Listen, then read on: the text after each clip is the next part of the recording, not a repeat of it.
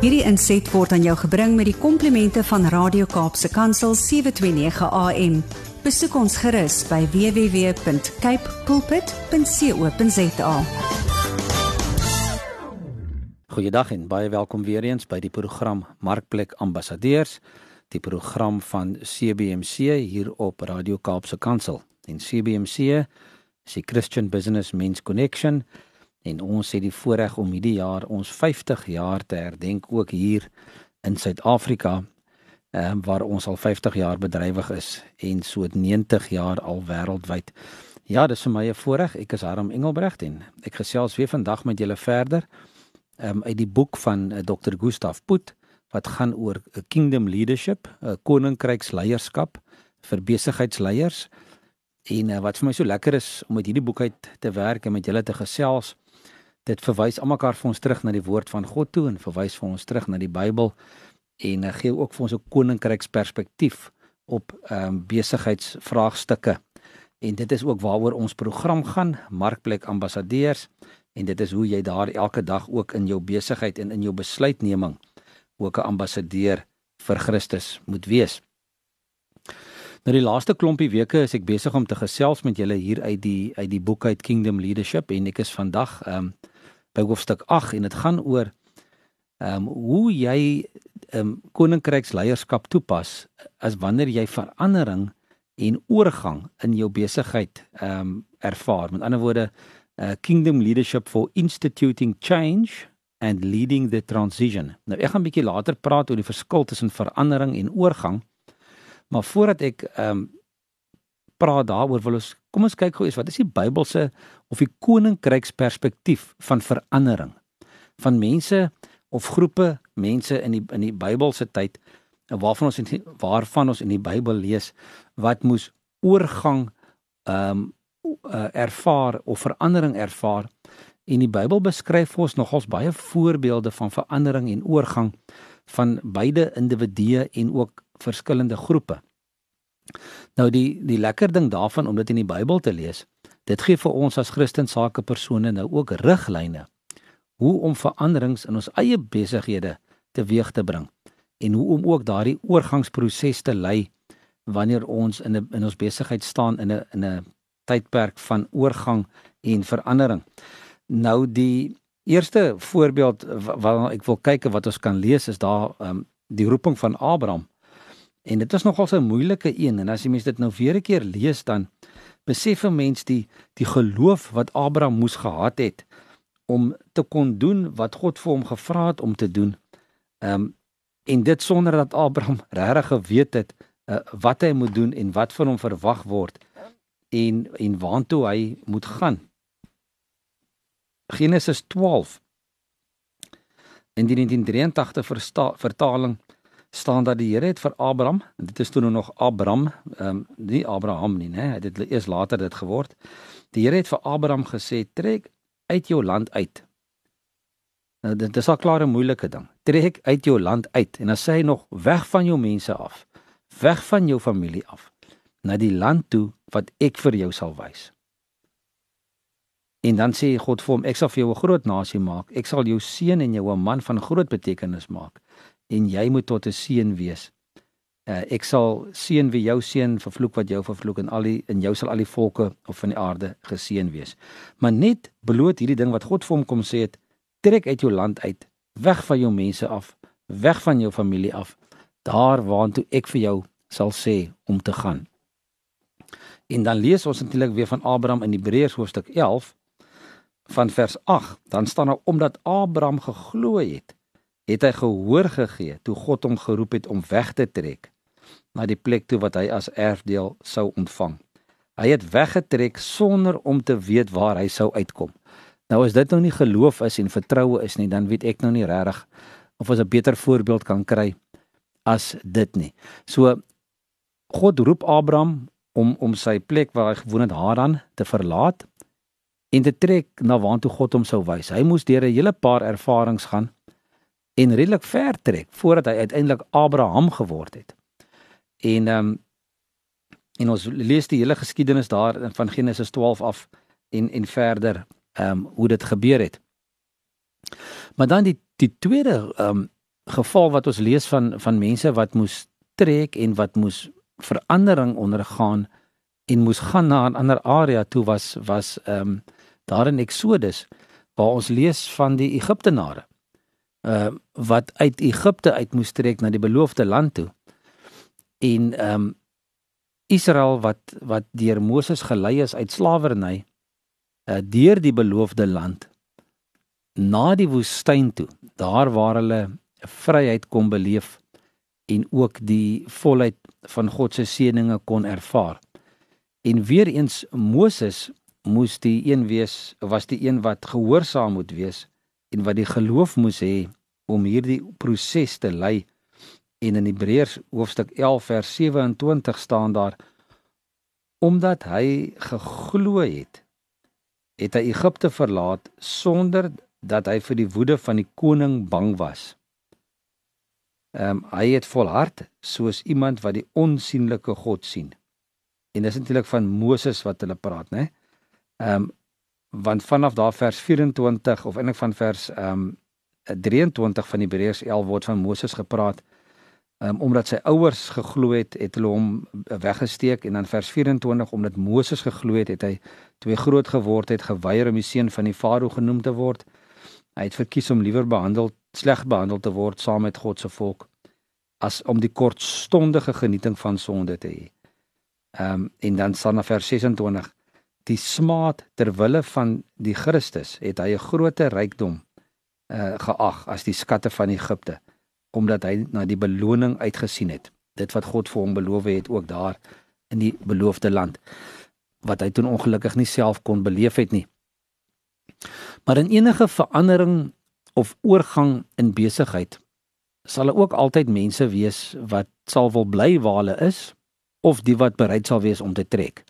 Nou as ons nou na die storie van die uh, die die ehm um, Israeliete kyk wat uit Egipte getrek het, ehm um, dan is dit spesifiek uh, verwys ons dan na die die mense wat soos Farao sal wees, nê, wat nie wil hê daar moet 'n verandering kom nie, dat mense moet moet beweeg en moet gaan nie en dat jy ook dan mense gaan kry soos Moses wat bereid sal wees om die mense te neem op hierdie reis om hulle te laat ehm um, trek. Natuurlik die woord Exodus beteken natuurlik to exit om uit te gaan, ehm um, om te beweeg, om te vertrek. En en Moses se naam natuurlik beteken weer om uit te lewer, né, to deliver. En ehm um, ja, natuurlik ook 'n voorbeeld wat ons kry van ehm um, hoe Jesus uiteindelik ook ehm um, die volk verlos het van hulle sonde. Ehm um, en ons sien 'n tipe van Jesus ook lees in in Moses waar ons lees hoe hy die volk uh, verlos het ook van die slawerny waarin hulle was.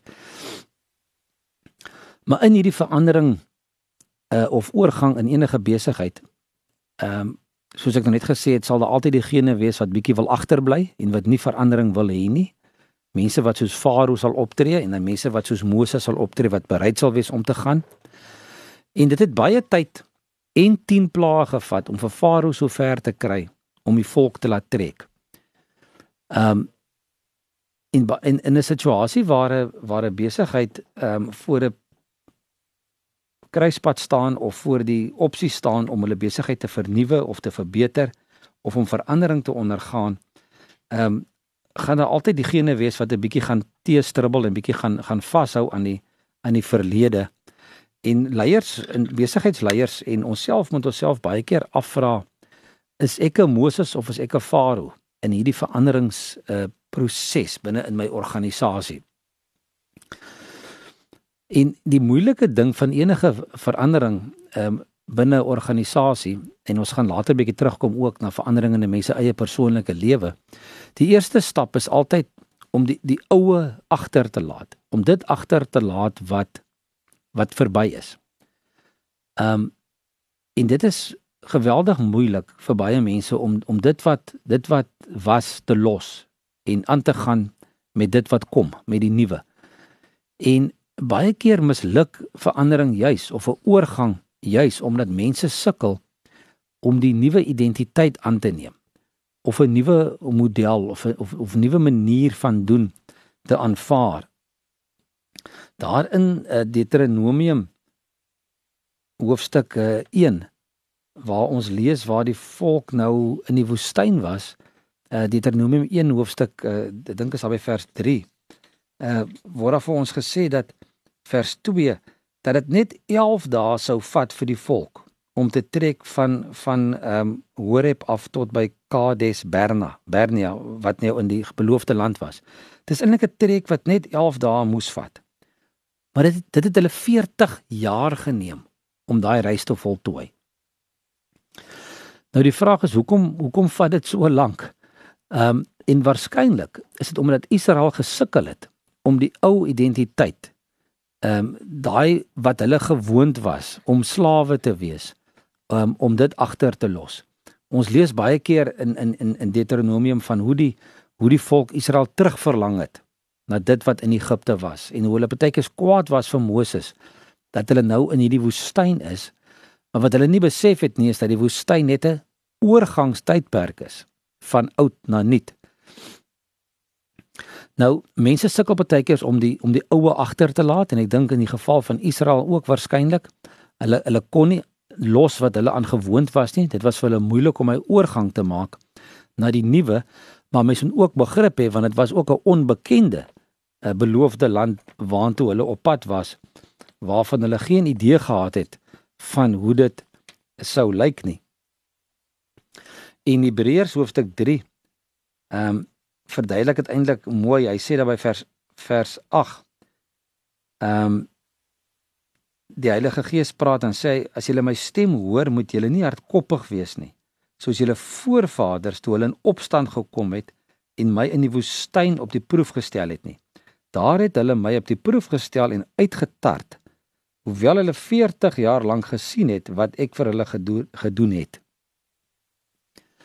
En dan ehm um, natuurlik verder dan sê hy ek het 'n afkeer van hierdie geslag gekry en gesê hulle hart is gedurig op 'n dwaalspoor. Hulle wou nie my paaie leer ken nie. So baie keer ja, is dit die probleem van van van mense dat hulle sukkel om daai verandering te maak, dat hulle vashou aan die verlede en dat ehm um, dit toe ook so is dat uiteindelik wat almal wat Egipte toe verlaat het, al die Israeliete is uiteindelik in hierdie oorgangstydperk van van oud na nuut uiteindelik ook in die woestyn is ook in die woestyn dood uh, Hebreërs Hebreërs 3 vers 16 sê Wie was dit dan wat gehoor het uh, en tog in opstand gekom het? Was dit nie almal wat onder leiding van Moses uit Egipte getrek het nie? En van wie het God 40 jaar lank 'n afkeer gehad? Was dit nie van hulle wat gesondig het en wie se dooie liggame in die woestyn agtergebly het nie? Oor wie anders as die wat ongehoorsaam was, het hy 'n eed afgelê dat hulle nie in sy rus sal ingaan nie. Ons sien dus dat hulle as gevolg van hulle ongeloof nie in sy rus kon ingaan nie.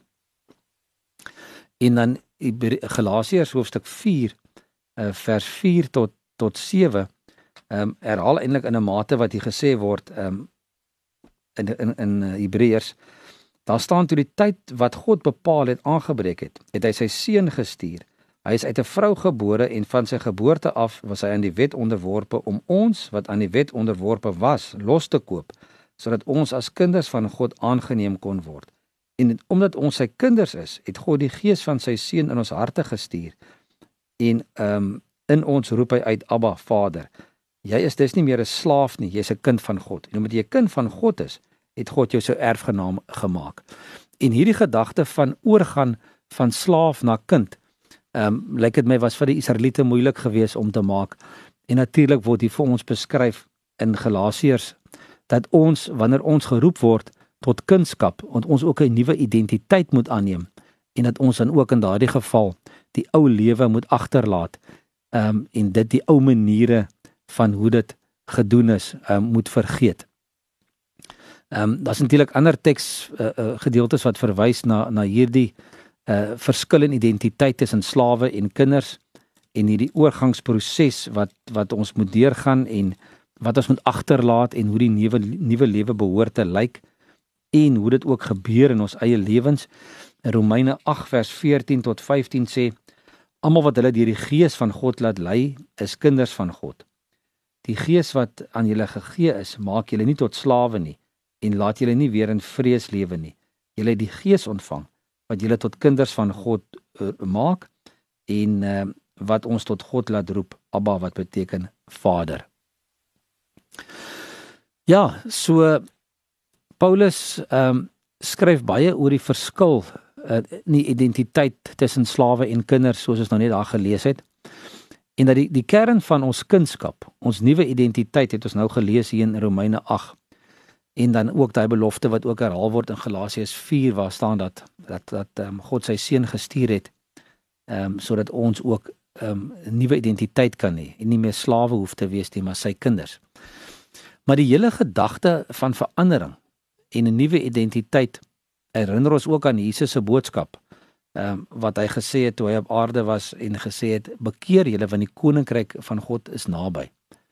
Ehm um, en daarom wanneer daar verandering of 'n oorgangsproses in organisasies plaasvind, is dit belangrik dat leiers ook in hierdie veranderingsproses ehm um, alle fasette en elemente van ou maniere van doen sal laat vaar wat nie meer uh, in die nuwe bedeling nodig sal wees nie.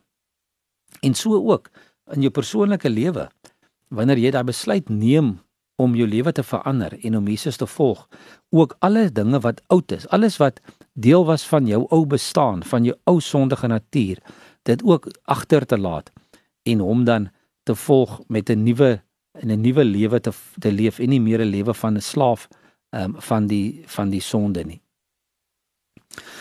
Nou dit was die die koninkryksperspektief van verandering in besigheid. Nou hoe lyk die die besigheids of die maatskappy perspektief, die organisasie perspektief? Ehm um, organisasies is voortdurend in 'n mate van verandering uh, deurdat daar nuwe personeel, nuwe bestuur, ehm um, nuwe reëls en regulasies inkom, dalk nuwe beleid uh, van maatskappy kant af, nuwe beleid van regeringskant af. Ehm um, omgewingsinvloede, uh, pandemies soos ons die laaste 2 jaar beleef het, 'n uh, oorlog soos ons die laaste paar weke beleef. Ehm um, natuurlik ook ehm um, rentekoerse wat kan verander, oliepryse wat kan verander. So daar's voortdurend veranderings wat plaasvind. En besighede en organisasies moet voortdurend aanpas daarbey en en voortdurend hierdie veranderings kan kan kan bestuur en kan lei. En baie keer is verandering ook noodgedwonge vir die oorlewing van 'n organisasie. As ons maar kyk net op die tegnologie kant, hoe daar oor die afgelope klompie jare ehm um, ek wil nie eens baie lank ver terug gaan nie, maar kom ons sê oor die laaste 20, 30 jaar, dink ek die veranderinge wat daar was van van rekenaars. Ehm um, hierdie groot bokse wat jy gehad het met die groot dik skerms en en nou iewes skielik is dit is dit 'n 'n dra sak rekenaar wat ag 'n um, skoot rekenaar wat jy kan ronddra of selfs kleiner nog 'n tablet. En iewes skielik moes maatskappye ook aanpas by die by by die vervaardigingsproses. Ehm um, die ou wat die ou kameras gemaak het byvoorbeeld Kodak en daai tipe van maatskappye ehm um, het in hierdie oorgangsfase van digi digitalisering en digitale kameras het hulle so bietjie uit die bus uitgeval en het hulle so bietjie um, heeltemal hulle besighede toegemaak want want hulle het nie aangepas of kon nie aanpas ehm um, by die verandering nie en kon daar derhalwe ook nie ook nie oorleef nie. So verandering is baie keer noodgedwonge uh, ter wille van oorlewing van jou organisasie. Maar om verandering in jou organisasie effektief te bestuur en en glad te verloop uh, is nogals belangrik en en en ek dink die die belangrike deel om dit effektief te bestuur is effektiewe kommunikasie. En as ek praat van effektiewe kommunikasie, dan praat ek van intern tussen jou uh, werkers en met jou personeel. Ehm um, dit is belangrik om intern te kommunikeer. Hoekom is hierdie verandering belangrik in ons besigheid? Maar ook om dit ekstern te kommunikeer, né, na alle belangegroepe daar buite, na jou kliënte, jou verskaffers, jou aandeelhouers. Hoekom is dit belangrik dat daar ehm um, verandering ehm um, rigtingverandering of dalk net 'n klemverskywing in jou besigheid nodig is. So, ek wil vandag ja, hiermee volstaan en hier afsluit. En dan volgende week week 'n bietjie verder met jou gesels oor die ehm um, verskillende rolle wat wat leierskap nou speel binne in hierdie veranderingsproses en in die oorgangsproses en wat die verskil daarvan is. Ehm um, maar ja, dit was vir my weer eens 'n voorreg om bietjie met jou te gesels vandag oor hierdie onderwerp van van verandering of oorgang binne in jou organisasie en gaan gerus en gaan lees weer daai teksverse. gaan kyk gerus weer wat het gebeur daar in Genesis ehm um, met met Abraham ehm um, wat ons gelees het Genesis hoofstuk 12 en ook wat gebeur het met die volk van uh, van God die Israeliete toe hulle toe hulle moes uittrek en en hoe Farao hardkoppig teen teen teen gekap het hulle nie mag skuif nie. En natuurlik ook uiteindelik hoe die hoe die volk Israel ook daar in die woestyn uh, gemurmureer en gekla het oor die verandering wat besig is om plaas te vind. Maar laat ons ook gaan kyk en onsself gaan meet aan die woord van God ook daar in Romeine 8 vers 14 en kyk het ons daardie nuwe identiteit wat God ons gegee het en wat hy ons wil gee het ons dit reeds ten volle aanvaar is ons ten volle sy kind en nie meer 'n slaaf van dit waarvan ons voorheen was nie ja ek is Harm Engelbrecht van CBC Suid-Afrika en ek groet jou tot volgende week totsiens Hierdie inset was aan jou gebring met die komplimente van Radio Kaapse Kansel 729 AM. Besoek ons gerus by www.cape pulpit.co.za.